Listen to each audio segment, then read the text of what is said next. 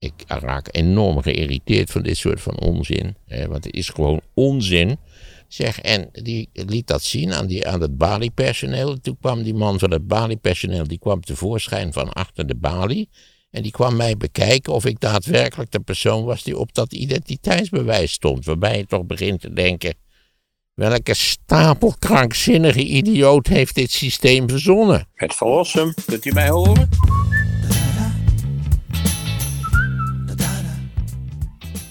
Heb je niet gelezen dat overheidsgebouwen werden verwarmd op 22 graden?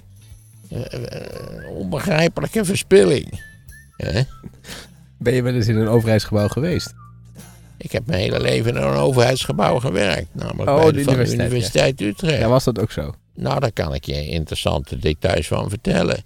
Dat we, er was een, een tijd dat je had verplichte kerstvakantie. Dus vanaf zeg maar ergens een week voor de kerstmis tot, eh, tot drie koningen eh, was het instituut gesloten. En alle instituten waren gesloten. En het idee was, dat was uit zuinigheidsoverwegingen.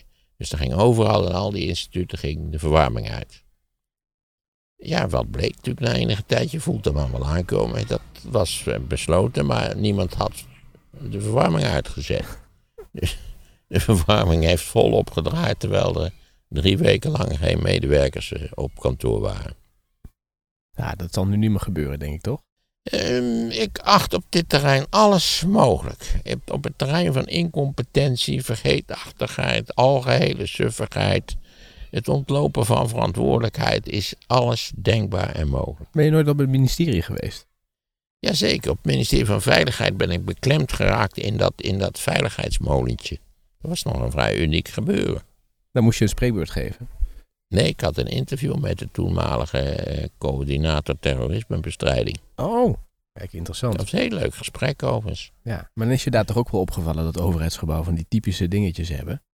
Nou, die zijn allemaal tegenwoordig beveiligd natuurlijk. Ja. Nou ben ik laatst geweest bij, bij het Rabo-hoofdkantoor hier in Utrecht, ook Oh. voor een reportage. Mooi pand. Ja, maar ook beveiligd door krankzinnigen. Ja, dat je echt denkt, waar is dit goed voor? Ja, niet... Laat ik nog even het veiligheidsdilemma uit de doeken doen. Ja. Kijk, waar, waar, de grote vraag is, waar, waar beveiligen we eigenlijk precies tegen? Is dat tegen jihadistische aanslagen? Kijk, als je, als je bij dat hoofdkantoor met z'n drieën met, met, met een schiet in het, eh, hoe heet het AK-47 naar binnen rent, is het devies, want dat leren veiligheidsbeambten allemaal op de cursus veiligheid, is niks doen. Niet, niet geen tegenstand bieden, want dan, verlies je het leven. Dus bij serieuze bedreiging doen ze niks. Dat hebben ze geleerd namelijk. Dus dan is de vraag, wat zijn eigenlijk niet serieuze bedreigingen?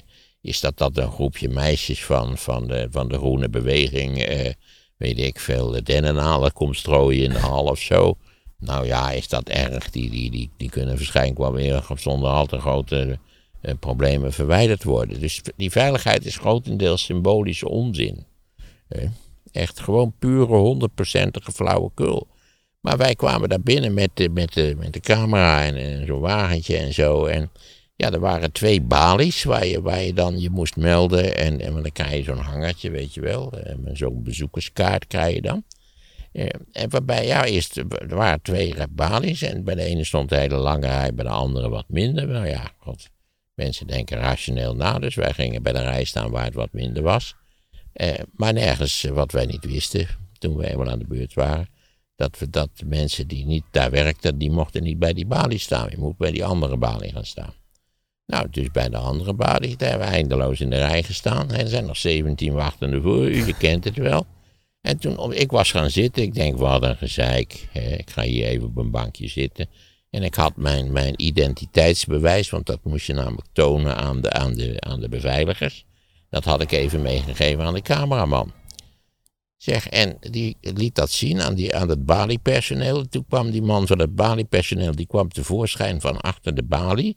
En die kwam mij bekijken of ik daadwerkelijk de persoon was die op dat identiteitsbewijs stond. Waarbij je toch begint te denken, welke stapel krankzinnige idioot heeft dit systeem verzonnen?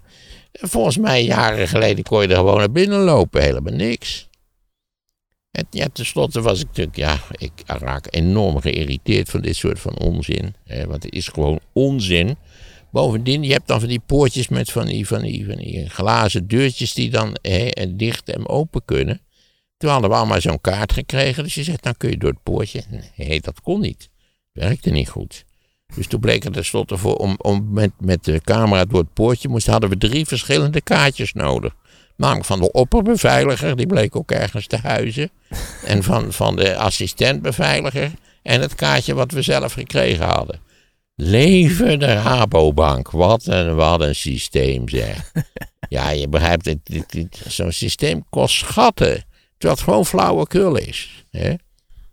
Maar hoezo vind je het flauwekul? Want daar zal toch wel door de directeur over nagedacht zijn dat het allemaal goed beveiligd wordt. Nee, dat denk ik niet. Zeg maar, nogmaals, ik heb nu net het veiligheidsdilemma geschetst.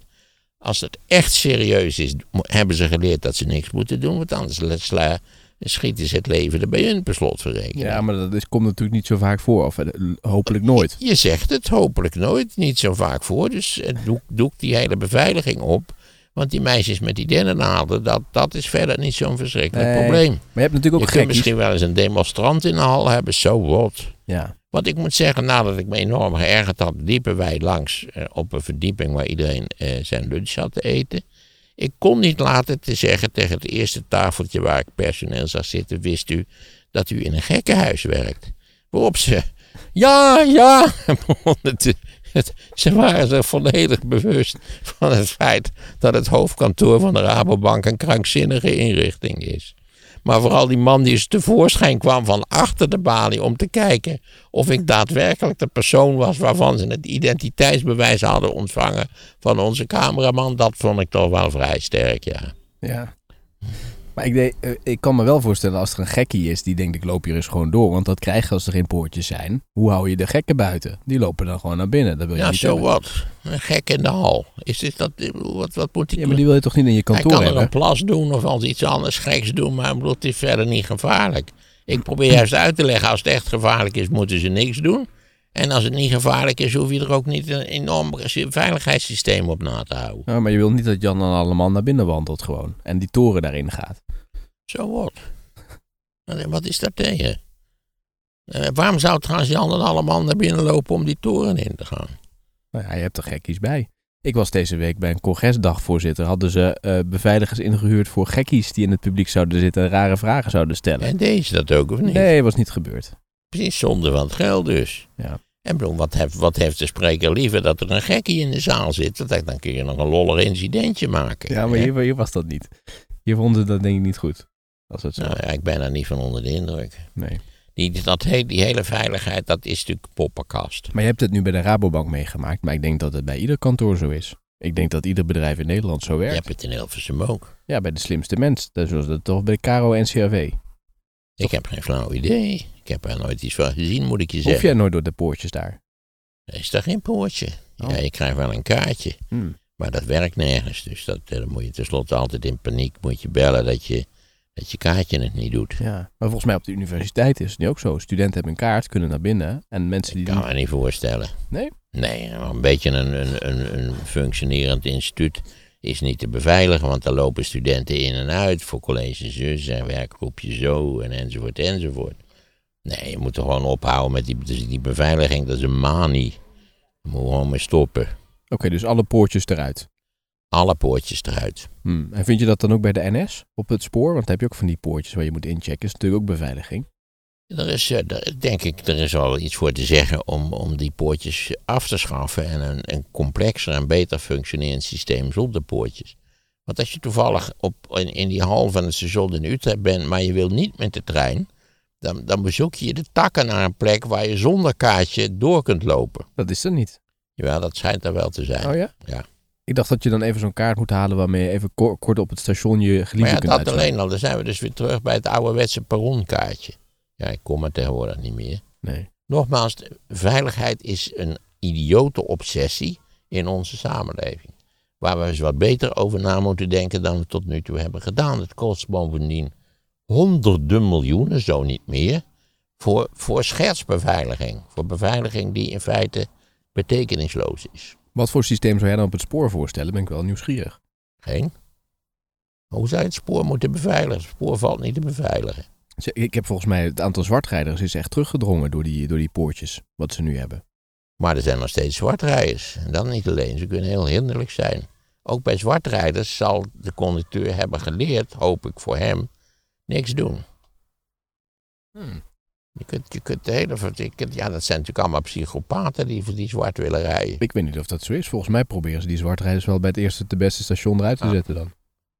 Ik vind het, dat, ze, ze moeten een ander systeem verzinnen. Hmm. Die poortjes, dat vind ik ook niks op die. Maar goed, op het station kan ik me nog iets voorstellen, omdat je dan betaald moet hebben, want anders gaat het poortje niet open. Maar in die, in die, in die bankgebouwen of op, op kantoren vind ik dit soort van beveiliging. Ik was laatst nog weer in een ander kantoor, ook van een Rabobank, wat helemaal niet het hoofdkantoor, maar ik weet niet precies wat ze daar uitspoken. Daar moest ik ook een opnametje maken. Ja, ook weer van die poortjes. En dan denk je bij jezelf, zonde van het geld, er komt nooit iemand. Komt een enorme Mensen zouden het helemaal niet kunnen vinden. God, alweer een nieuwe. Container. Ja, daar wordt hier verbouwd in. Ongelooflijk wat er uit dat huis gekomen is. Ja. Dat is echt ongelooflijk. Dus ja, mijn advies is toch, denk eens wat beter na over beveiliging. Nog één En ding over... probeer het beveiligingsdilemma op te lossen. Namelijk dat als het echt ernstig is, heeft iedereen geleerd om niks te doen.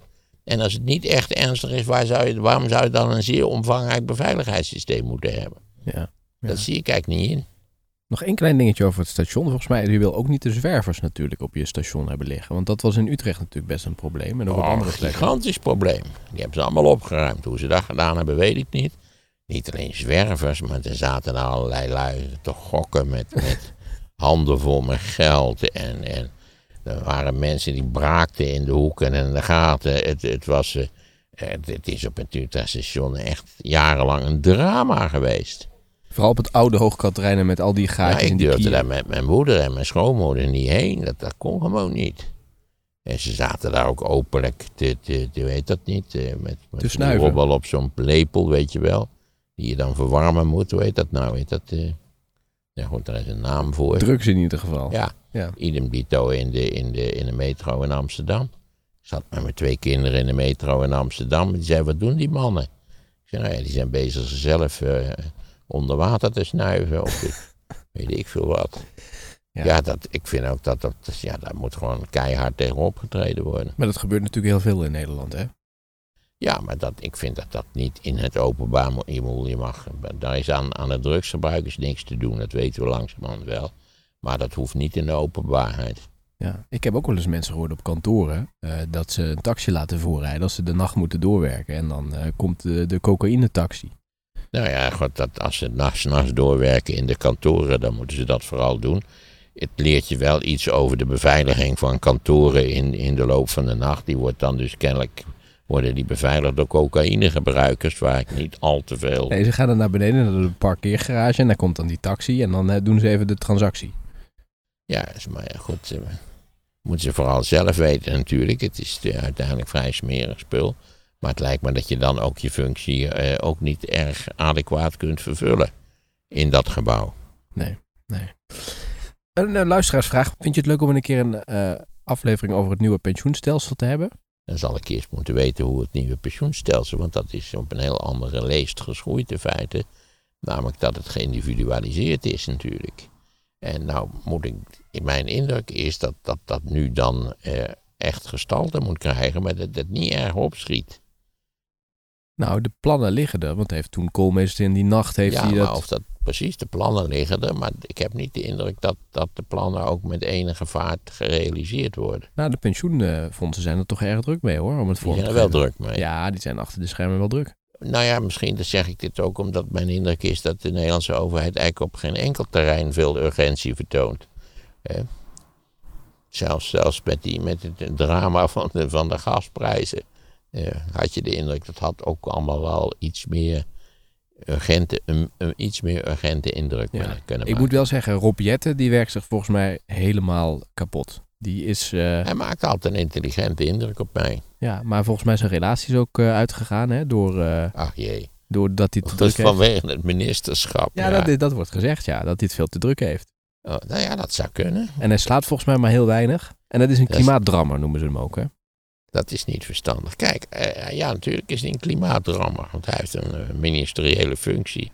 Waarbij hij dat die zaken goed in de, in de gaten moet houden. Ja. Dat, was, dat is net een heel interessant eh, eh, rapport verschenen van, hoe heet dat, die, die, Delta Res heet dat geloof ik, die organisatie. Over dat we nu, nu, nu al beslissingen moeten nemen, eh, gegrondvest op het feit dat het de zeespiegel aanzienlijk zal stijgen in de komende 100 jaar. Hoe is het mogelijk dat dit soort van lui niet van de weg gehaald worden? Hè? Dit is een, een, een scootertje nou niet veel groter dan een wesp. En het maakt het geluid van zeven auto's. Geen enkele vorm van handhaving is er op dit punt. Hetzelfde met stepjes, hè? Er zijn ook heel veel mensen die willen op stepjes door de stad. Ja, daar ben ik ook een falikant tegenstander van. Ja, dat vermoed ik al. Weg ermee. Ja, ja. De risico's zijn groot. We zien nu al de ellende van die elektrische bejaarden op die elektrische fietsen. Wat tientallen extra doden per jaar genereert. ja. En nog En even, over- top het af, zorg dat ze ook niet zo hard kunnen Ja. en zo. je had het over het klimaat, hè? Ik sprak nou van de week een man, ook in een podcast. Ik zal het linkje eh, naar de podcast in de show notes zetten. Interessant om te horen. En die zei eigenlijk alle techniek, die ligt al klaar. We, dat- we moeten het alleen nog gaan implementeren. Maar Zo alles is het, ja. Op heel veel terreinen geldt dat. We weten wel hoe we het moeten doen. Maar ja, vervolgens moet je politiek besluiten nemen. Die worden dan dus niet genomen. Nee, maar neem de stikstof. Ja. Eh, De deskundigen zeiden in de jaren zeventig al, we kunnen niet zo door met de stikstof. En wat heeft onze overheid gedaan? Langdurig en studieus de andere kant opgekeken. En vervolgens nog een soort mal plan bedacht. Dat als je een paar boompjes zou planten, dan was het allemaal niet zo erg. En nu zitten we met de gebakken peren. Dat het een crisis geworden is, wat helemaal niet nodig was geweest. Nee, nee. Nou, dit Delta Res heeft nu net een, een, een rapport gepubliceerd. En waar ze in ze zeggen, joh, als je nou wil vermijden dat het over pak een beetje vijf decennia een crisis wordt. Omdat je op de verkeerde plekken hebt gebouwd, ik zal maar zeggen, hè, waar- waar- waarbij het waterig is. Neem nu vast besluiten. Ja. Hè? Bouw niet in, in de floodplain van rivieren. Bouw niet in de uiterwaarden. Waarom liepen ze in, in, in, in Limburg altijd onder die woningen? Omdat ze op de verkeerde plek gebouwd Ja, dat hadden. klopt, ja. Heb je gelijk in. Ja, dat is ontzettend stom. Ja. En nou ja, goed, nu kun je ook je afvragen, moet je... Kijk, nee, laten we het even heel algemeen stellen. Eh, ooit lang geleden, heel lang geleden, eh, was eh, heel, Nederland, heel West-Nederland was een omvangrijk veengebied. Een waterig, nat gebied. En niet alleen Nederland, maar eigenlijk die hele strook van zeg maar Noord-Duitsland, Nederland en een deel van Vlaanderen, dat was allemaal veengebied. Rond het jaar 1000 hebben we dat in feite aange, hebben we dat, eh, eh, eh, tot cultuurgrond gemaakt door het veen af te laten wateren. Hè, waardoor we een veenweidegebied hadden gekregen. Op sommige punten hebben we vervolgens het veen weggegraven, op laten drogen en gebruikt als turf. Hè, de Nederlandse Republiek draaide op turf als brandstof. Vandaar dat we al die plassen hebben.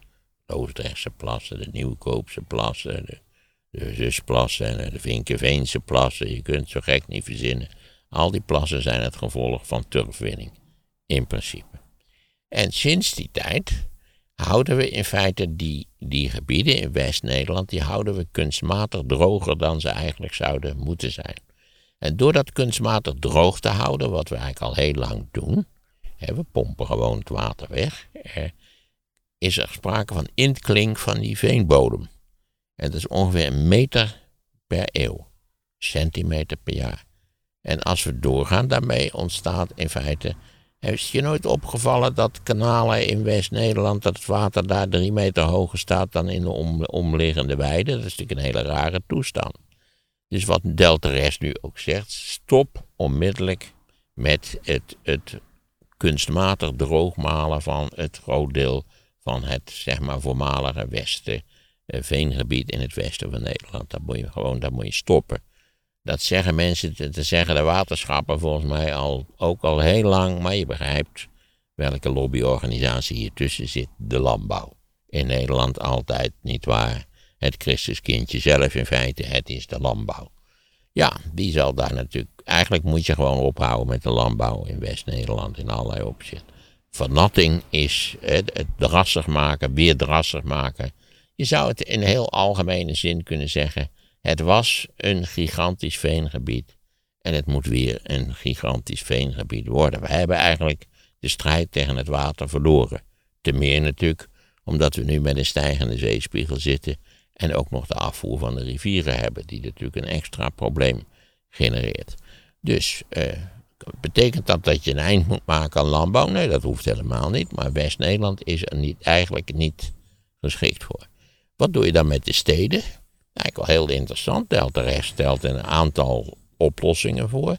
Eh, moet, moet je gewoon Amsterdam laten verzuipen? Nou ja, sommige mensen zullen zeggen: een geweldig idee, waarom niet eigenlijk? Maar liever niet toch. Het is een hele mooie 17e-eeuwse stad in allerlei opzichten. Maar goed, dat moet, je dan, dat moet je dan specifiek beschermen, alsof het een soort terp is. Hè? En als je wilt bouwen in het westen, doe het op terpen in feite, op verhogingen. Ja, of bouw in het oosten van het land natuurlijk. Ja, wij, wij, wij, ongelukkigerwijs hebben we Nederland gesitueerd in, in wat eigenlijk gewoon een moeras is. En we hebben dat, dat moeras, daar hebben we kunstmatig een eind aan gemaakt. En nu blijkt eigenlijk dat, dat, dat het uiteindelijk op lange termijn geen succesvolle oplossing is. Dat het moeras als het ware terug moet komen. Dat is zelf natuurlijk best een leuk idee, toch? Dus we moeten in veel meer in Oost-Nederland bouwen. We moeten niet in het veenweidegebied bouwen. Eh, nou het, wereldberoemde voorbeeld Gouda wordt gegeven natuurlijk, waarbij ja, Gouda verdwijnt eigenlijk langzaam in de, in de, in, in de inklinkende veenlaag, zou ik maar zeggen. Want door dat veen droog te laten, eh, eh, zal het oxideren. En als het oxideert, produceert het A CO2 en B klinkt het verder in. Het, het, verdwijnt als het ware. Dat is het. Eh, maar dit is toch wel een, eh, een inzicht van de laatste jaren. Want we zijn jaren heel trots geweest op wat we hier gerealiseerd hebben. En nog steeds natuurlijk heel veel mensen. Ja, dat is tot op zekere hoogte wel het geval. Maar al, al jaren geleden maakte ik een reportage over het landschap in Noord-Holland. En met name ook de polders, Beemster, de oude polders in Noord-Holland. Uh, en daar zei zo'n man al van, dat water, van het waterbeheer, die zei, ja, we kunnen hier gewoon niet meer doorgaan. Nee.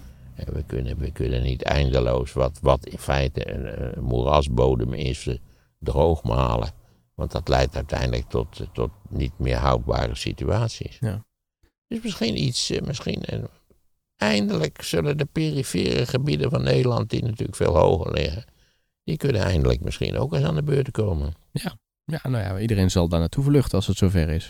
Vlucht, ja ja, wees voorzichtig met grote investeringen in het onroerend goed. Maar je kunt ook met een terpensysteem. We hebben natuurlijk ooit, heel lang geleden, toen we niet, nog niet in staat waren om omvangrijke dijken aan te leggen en bemalingsprocedures uit te voeren, leefden we in dat moerasgebied, want dat was dat toen. Ja. Leefden we op terpen. Geweldig idee, de terp. Hè? Je kunt ze nog gaan bekijken in, in Noord-Groningen, ja. Noord-Friesland. Ja, we moeten terug naar de terp. Ja, maar ik heb ook een keer bij een congres gehoord, door de jou zo, door de, door de jou zo geliefde Rabobank, dat je huizen kunt ehm, maken zodat je ze kunt inklappen en ergens anders weer kunt opbouwen. Ja, dat, uh, maar dat gebeurt maar uh, op een, volgens mij helemaal niet. Je kunt ook, ook huizen bouwen die drijven.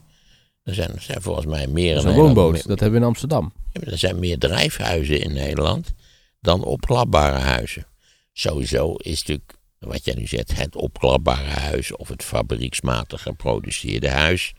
Dat wordt natuurlijk al, al decennia aangeboden, dat is de oplossing. Waarom gebeurt het dan niet? Ja, hè?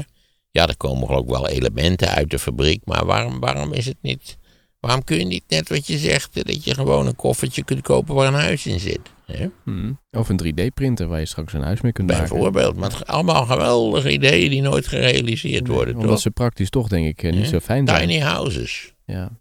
ja. Nou, die zie je wel op sommige plekken, die tiny houses. Het probleem in Nederland is natuurlijk niet je tiny house. In Nederland, het Nederlandse probleem is de grond. De grond waar het op moet staan. Ja. De grond is in Nederland natuurlijk poepie duur. Ja.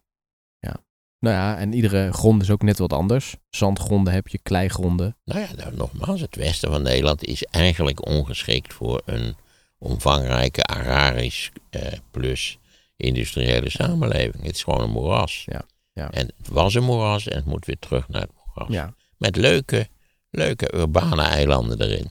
Kijk, maar dit is iets wat, dit beeld gaan we zien over, hoe lang denk je in Nederland? Nou, dat is nou juist wat dat Delta zegt. Je moet nu, je moet nu beslissingen ja, nemen. Ja, je moet nu beginnen. Maar wanneer, wanneer ga je... Als je dus nu weer een nieuwe nieuwbouwwijk in, in, in het veengebied zet, dat is niet verstandig. Nee. Nee, nee, nee, nee, oké.